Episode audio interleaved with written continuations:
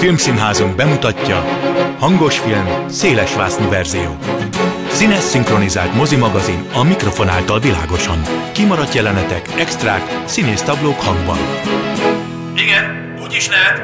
Tessék! Hangos film, széles vásznú verzió. Jó napot kívánok! A szerkesztő műsorvezető Tímár Ágnes köszönti Önöket. A mai adásban bemutatjuk, milyen változásokon ment keresztül Guy Ritchie karrierje a kezdetektől. Vágjunk bele! Audio kommentár. A kameraforgás irányának követése.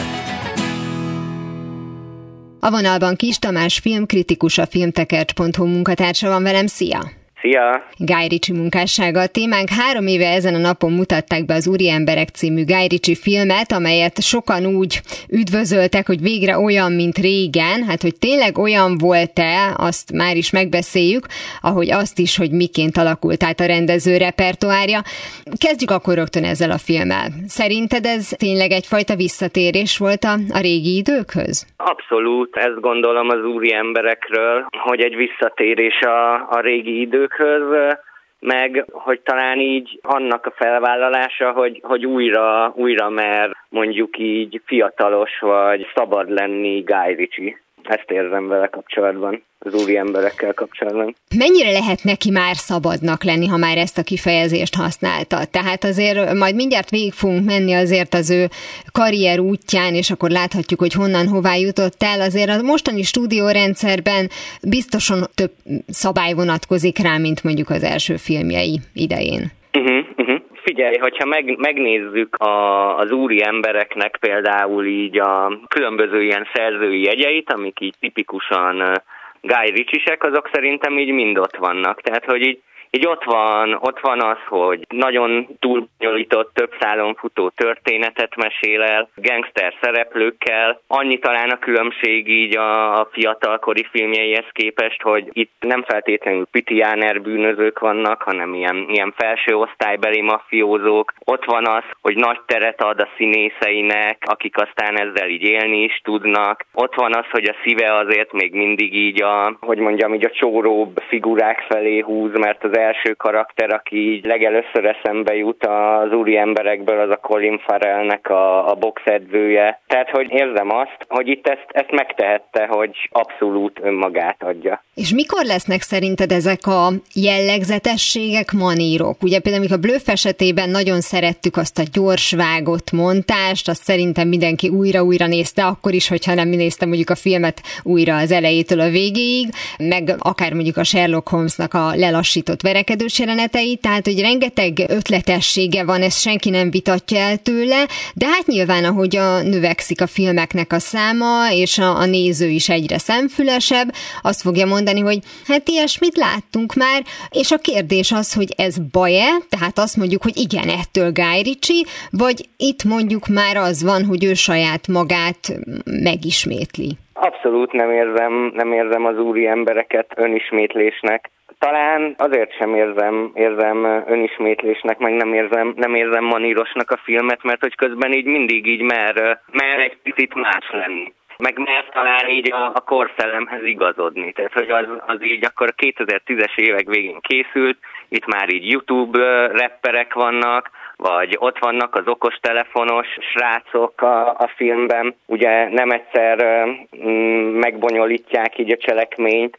tehát, hogy ő így mindig, mindig mer változtatni, vagy változtatni a narrátorán. Ugye, hogyha jól emlékszem, akkor a, a Hugh Grantnek a figurája az, aki próbálja nekünk így elmesélni a történetet, hogy mi is történt, de hogy általában ezek a narrátorok az ő filmjeiben például tényleg segítenek mondjuk így a karakterek közti ilyen feltérképezésben de ő nála meg például időnként így abszolút ki is csúszik a, mm, az irányítás így narrátorként a kezéből, mert van, amikor ilyen hibás információkat oszt meg velünk.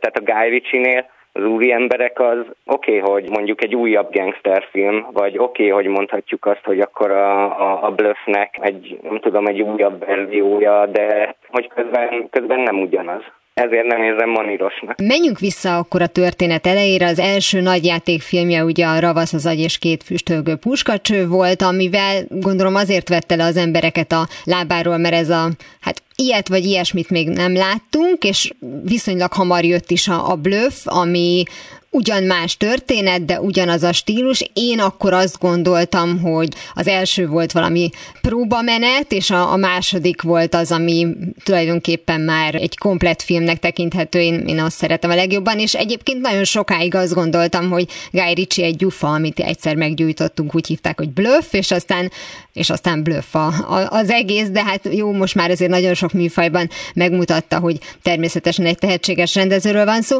de ha ki kéne emelni kiemelni mondjuk pontokat ebből az első két nagy játékfilméből, akkor mi az, ami miatt azt gondolod, hogy varázsa volt, ami miatt nem csak annak a közegnek volt érdekes, akiről, akikről szólt? Az egyik, az, az szerintem megint ez, hogy ilyen túlbonyolított, több szálon futó cselekménnyel játszott, amiben ráadásul mondjuk ilyen óriási szerepe volt a véletleneknek és emiatt így nagyon kiszámíthatatlan volt a történet vezetése. Vagy az, hogy így hogy érnek, hogy érnek össze a különböző szálak. Vagy nem valamikor meg a bluffben például nem is annyira a véletlenek irányítják a, a, a cselekményt, hanem mondjuk az ösztönök. Meg ami szerintem így nagyon szimpatikussá teheti így a nézők számára a, a, ezt a két filmet, az, hogy így marha jók a karakterek. Tehát, hogy már a neveik is, hogy mondjuk Baptist Berry, vagy, vagy Baltás Harry, vagy Szappan, vagy a török, és így ezek a figurák ilyen egyszerre van bennük ott valamiféle kisemberség, meg egyszerre, egyszerre ilyen, ilyen karikatúra-szerűek. Tehát lehet nekik szurkolni, vagy éppen lehet, lehet őket így kinevetni. Tehát még a legvéresebb kezű gangsteren is így marhajókat lehet nevetni.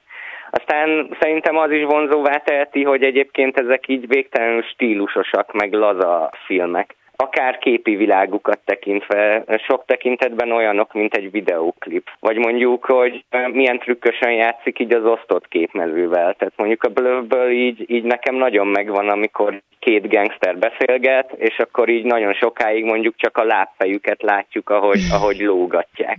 Tehát, hogy ha lehet azt mondani, akkor, akkor ő például így, így nagyon, nagyon mer trükkös lenni például így a cselekmény vezetéssel, hogy hogy van, van olyan, amit más film mondjuk így részletesen kibontana, ő azt egy gyors montázsral megoldja. Van, amikor meg bemutat egy ilyen hosszas beszélgetést, mondjuk amikor a bluff kezdődik, akkor csak ilyen ipari kamerák, vagy ilyen megfigyelő kamerákon látjuk, ahogy, ahogy így a zsidó gangsterek így jönnek kirabolni egy helyet, és akkor közben beszélgetnek. És az mondjuk egy ilyen nagyon, nagyon hosszan elnyújtott jelenet. Az az érdekes, hogy ugye a Bluffben már olyan kategóriájú színésszel is találkozunk, mint Brad Pitt, aki egyébként az egyik legjobb alakítását nyújtja szerintem, és rögtön felteszi a kérdést magának az ember, hogy innen miért nem vezetett az út egyenesen Hollywoodba? Bizonyos értelemben ugye vezetett, mert jött ugye a hullámhegy, ami ugye a Madonnával kötött házasságának az eredménye, és a karrierjének talán hullámvölgye, bocsánat a rossz szóviccér, bár most szerintem utólag visszanézve már nem lehet annyira utálni ezt a filmet, mint ahogy annak idején meg jött egy Spiller, aminél én legalábbis azt éreztem, hogy, hogy valami olyat akart, mint régen, de aztán, de aztán mégsem lett olyan. Szóval, hogy miért kellett neki ilyen, ilyen értelemben, vagy mondjuk relatíve sokat várnia ahhoz, hogy Hollywood rátaláljon. Most ez így, így, így furán hangzik, de nyilván a, a házassága, meg így a Madonnával való kapcsolata azért így köthette az ő kezét, és akkor ugye egy jó darabig például tényleg a, a, a Madonnának dolgozott, tehát hogy készítettő videoklipet neki, készítettő kisfilmeket neki, készítette ugye akkor a Hullámhegyet, ami ugye csomó aranymálna díjjal jutalmazták, meg aztán ugye ott volt, egy, volt még egy gangsterfilmje, a, a Revolver, ami szintén ilyen kabbal a hatású. Tehát, hogy így elindult azon a vonalon, hogy jó, akkor volt a hullámhegy, de hogy térjünk vissza a gangsterfilmekhez. És én azt érzem, a Guy Ritchie, hogy ő így, így jó darabig mondjuk azon a, azon a vonalon akart menni, amin, a, amin mondjuk így a Tarantino, ugye őt szokták a Tarantinohoz hasonlítgatni, hogy így építgeti tudatosan a szerzői életművét, és akkor mindig így gangsterfilmekkel kezd el csinálni, és a hullámhegynek így a katasztrófája után visszatért így, így ehhez, a, ehhez a műfajhoz. Tehát, hogy hogy én azért szeretem az ő gangster filmjeit, mert, mert szerintem mindig így saját magáról, meg így az alkotói természetéről mesél bennük. Tehát, hogy a ravasz az agy és a két füstölgő puskacsőnek így például a, a fiatal gangsterei, ők így, ők szerintem így a Guy testesítik meg, akik szeretnének feltörni, de közel sem biztos, hogy mondjuk ez sikerül, sikerül nekik a Spillernek a gangsterei, mondjuk így, így ugyanazon vannak, de hogy már így, tehát hogy ugyanaz a cél mozgatja őket, csak már egy ilyen sokkal gazdagabb, gazdagabb millióben, ugye ott ilyen ingatlan bizniszek körül bonyolódik a cselekmény. És aztán jött ugye Hollywood. Jó vagy rossz kompromisszum volt szerinted a Sherlock Holmes két része? Vagy ha kompromisszumot kell kötnie alapvetően egy szerzői filmesnek, az csak rossz lehet? Én nem, nem érzem rossz kompromisszumnak. Szerintem mind a két Sherlock Holmes klassz film, meg egyébként Guy Ritchie film. Én valahogy azt szoktam mondani a Guy Ritchie-ről, hogy ő szeret így, így lázadni, és szeret jellegzetes angol karaktereket, vagy műfajokat mondjuk így, így újra hangszerelni. Tehát ezt csinálja a gangster filmmel is, meg, meg ugye ezt csinálja a Sherlock holmes is, akiből tulajdonképpen egy, egy ilyen akcióhőst farag. Meg később ugye ezt fogja, ezt fogja csinálni mondjuk az Arthur királlyal, vagy ezt fogja csinálni a jel, másik jellegzetes angol műfajjal, a kémfilmmel. Tehát, hogy, hogy számomra Sherlock Holmes egyébként, hogyha ha a Guy Ritchie le, úgy döntött, hogy le akar térni a gangfilmeknek az útjáról, akkor az, hogy, hogy egy világhírű angol detektívet hangszerel újra, az egy, az egy abszolút logikus lépés és egy pozitív kompromisszum. Az Arthur királlyal kapcsolatos megjegyzéssel tökéletesen egyetértek, mert ugyanerre gondoltam, bár én azt annyira nem szerettem, de a szándékot azt éreztem, hogy lehet gengszerfilmet csinálni még a középkorban is, hogy vagy legalábbis mutassuk meg, hogy lehet ilyet csinálni, de az említett kémfilm, ugye ez az Uncle ember, aminek azért van filmes előzménye, annál én nem éreztem azt, hogy Guy Ritchie-nek akár közel lenne hozzá, és most lehet, hogy sokan felhördülnek, hogy mit nem éreztem én ezen. Én azon azt éreztem, hogy ő hátralépett kettőt, és egy ilyen igazán szórakoztató, jó popcornmozit csinált, ami feltelten franchise-nak készült, aztán most itt az Army Hammer botrány miatt nem tudom, hogy emiatt akadta meg, de hát legalábbis jó pofa lenne látni a folytatásait. Uh-huh. Én nagyon szerettem az Ánkül emberét egyébként így abban az évben a, mm, az egyik ilyen, ilyen, ilyen leg, leglazább, legszexibb filmnek tartottam. Ami az Ánkül emberében nekem például Guy Ritchie is az az, hogy itt is azért megjelennek olyan képi megoldások, vagy olyan, olyan formanyelvi megoldások, amik tőle eredeztethetőek. Tehát mondjuk így emlékszem, hogy a, a fináléban, amikor ugye mind, a kémfilmek azok így szeretik az ilyen egzotikus helyszíneket, és akkor ott a végén van egy ilyen egzotikus sziget, amit ugye ostrom alá kell venni. Na most így szerintem a legtöbb rendező azt például úgy csinálná meg, hogy egy ilyen gondosan kimunkált, agyon részletezett akciójelenetet farag belőle. A Guy Ritchie meg így osztott képmezőn ezt így villámgyorsan így lezavarja. Vagy a, a Guy Ritchie nagyon, nagyon szereti az ilyen, ilyen body movies felállásokat mint amilyen mondjuk így a, a Bluffnek a, a két főszereplője, a Tommy és a török, vagy mondjuk a Sherlock Holmes-nál ugye a Robert Downey Jr. meg a, meg a Jude Law, és mondjuk így ezt, ezt a szállat így, így, így viszi tovább. Tehát, hogy az Ánkül emberében is ugye így a szovjet kém, meg az amerikai kémnek így ez a, ez a, ez a body movie párosa, az, az például így tök, tök jól működik. És hogy oké, okay, mondhatjuk azt, hogy, hogy ezek ilyen műfai filmes sablonok, csak így, így eredendően is ott vannak, max, max nem ennyire uh, ilyen, ilyen szintisztán műfai jelleggel, de hogy ott vannak a legkorábbi filmjeiben is. Mennyire akart, tudott idomulni Amerikához, mert ugye elkészült az a bizonyos Aladdin film, és emellett nem mehetünk el szó nélkül. Az ember próbálja azt gondolni, hogy úgy van vele a rendező, hogy hát, hogyha kipróbálhatok egy ilyen műfajt, és felkérnek rá, akkor miért ne próbáljam ki, de közben meg miért?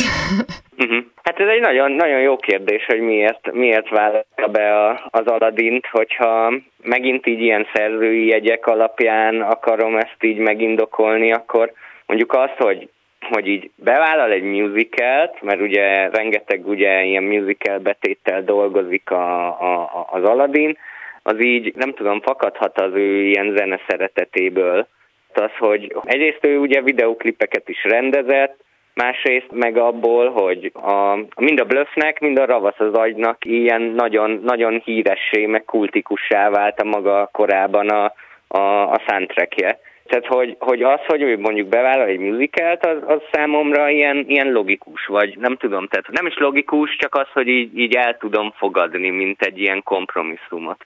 Vagy az, hogy Aladdin is ugye megint egy utcagyerek, aki fel akar törni, tehát hogy így meg, megvannak így ezek a, ezek a motivumok, amik mondjuk így megjelennek a Guy Ritchie filmekben, Más kérdés egyébként, hogy, hogy nyilván itt a Disney valószínűleg nagyon szorosan fogta, fogta az ő kezét, és hogy, hogy igenis alkalmazkodnia kellett azokhoz az elvárásokhoz, amik aztán garantálják, hogy befusson így a közönségnél ez a, ez a, ez a film, vagy a, nagy, a legszélesebb közönség biztosan jegyet váltson erre a filmre. Ha már éppen ezt említetted, hogy nyilván neki sem lényegtelen az, hogy hányan nézik meg a filmet, ugye ő nem egyszer dolgozott együtt Jason Stathammel, vagy mondjuk akár szinte állandó színészének is nevezhetjük, és a, a legutóbbi közös filmük az egy igazán dühös ember, mégis mintha valami egészen más hangulatot akart volna hozni, főleg ehhez a bizonyos body movie-hoz képest, amiről eddig is beszéltünk, és inkább érezt éreztem azt, hogy talán ez lehet, hogy rétegebb lett. Nem tudom az ő szándékait, tehát hogy valóban volt egy ilyen szándék, hogy ez azért ne olyan legyen, mint a már megszokott lövöldözős, kicsit már kevésbé erőszakos, mert mégiscsak azért egyre több amerikai nézi, mégiscsak egyre több embert szeretnénk beültetni a moziba, és tágítsuk is egyébként a kört, amit bemutatunk, vagy azért alapvetően mégiscsak a régi világot hozza vissza. Hát szerintem a, a, az egy igazán dühös ember, tehát hogy abszolút jól látod, hogy, hogy teljesen más film, mint amit így az elmúlt években csinált, meg szerintem egyébként teljesen más a gangster filmjeihez képest is, már csak azért is, mert ez nem, nem egy gangster film, hanem, hanem heist film, amik ugye ilyen rablások körül forognak.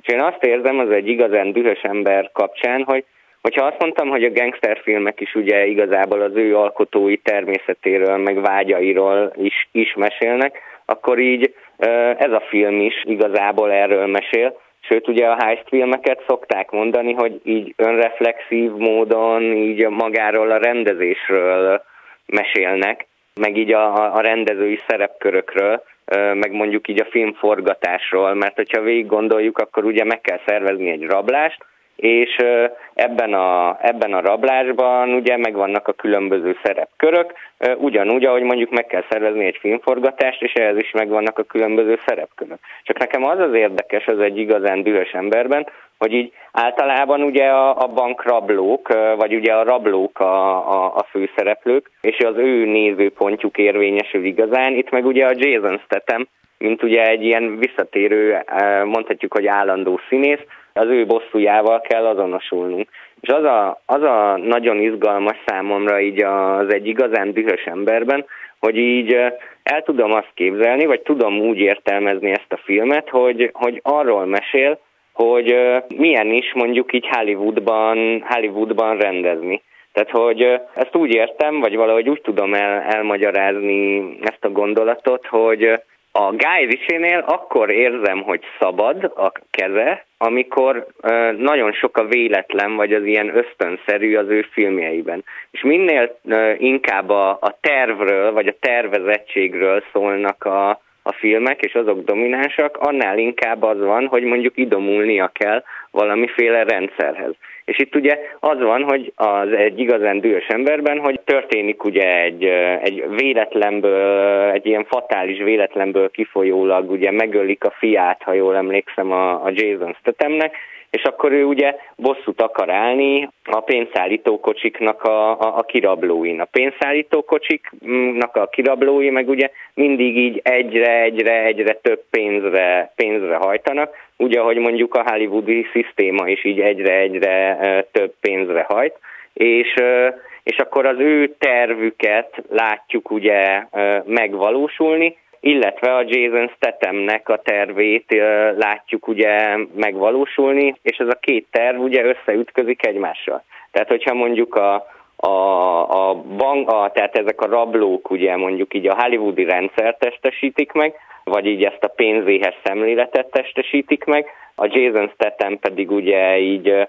egy, a, a véletlenből kifolyólag ugye igyekszik szembe állni így ezzel a tervel, akkor így mondhatom azt, hogy a Guy Ritchie-nek az alter egója ez a Jason Statham figura. Valami ilyesmi van bennem a filmmel kapcsolatban. A következő filmjére ugye még várni kell, hát ha nem is egy évet, de legalábbis ugye jövőre fog majd a moziba kerülni, ez a bizonyos a Fortune hadművelet, a nagy átverés.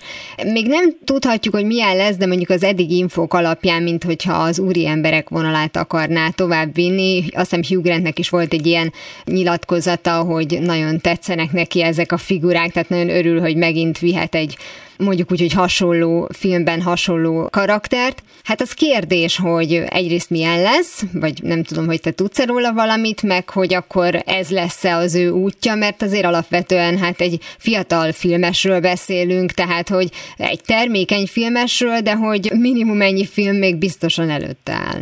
Megmondom őszintén, erről a filmről nem, nem, sokat, nem sokat tudok, hanem kb. annyit, ami, amit így elmondtál, de én annak azt tudom mondani, hogy annak kifejezetten örülnék, hogyha a Guy Ritchie tudna, tudna úgy működni, hogy mondjuk így megköt mondjuk az életében, meg a művészetében egy olyan kompromisszumot, hogy mondjuk a, az egyik filmje az Hollywoodnak szól, a második filmje a soron következők közül az mondjuk így, így visszatér a, a gangsterfilmes műfajhoz, és tehát, hogy egy újabb olyan, olyan összetett és kalandos történetet mesél el, mint amilyen mondjuk, a, mint mondjuk az úri emberek volt.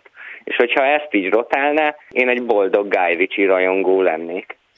De nekem így is boldog Guy Ritchie rajongónak tűnsz.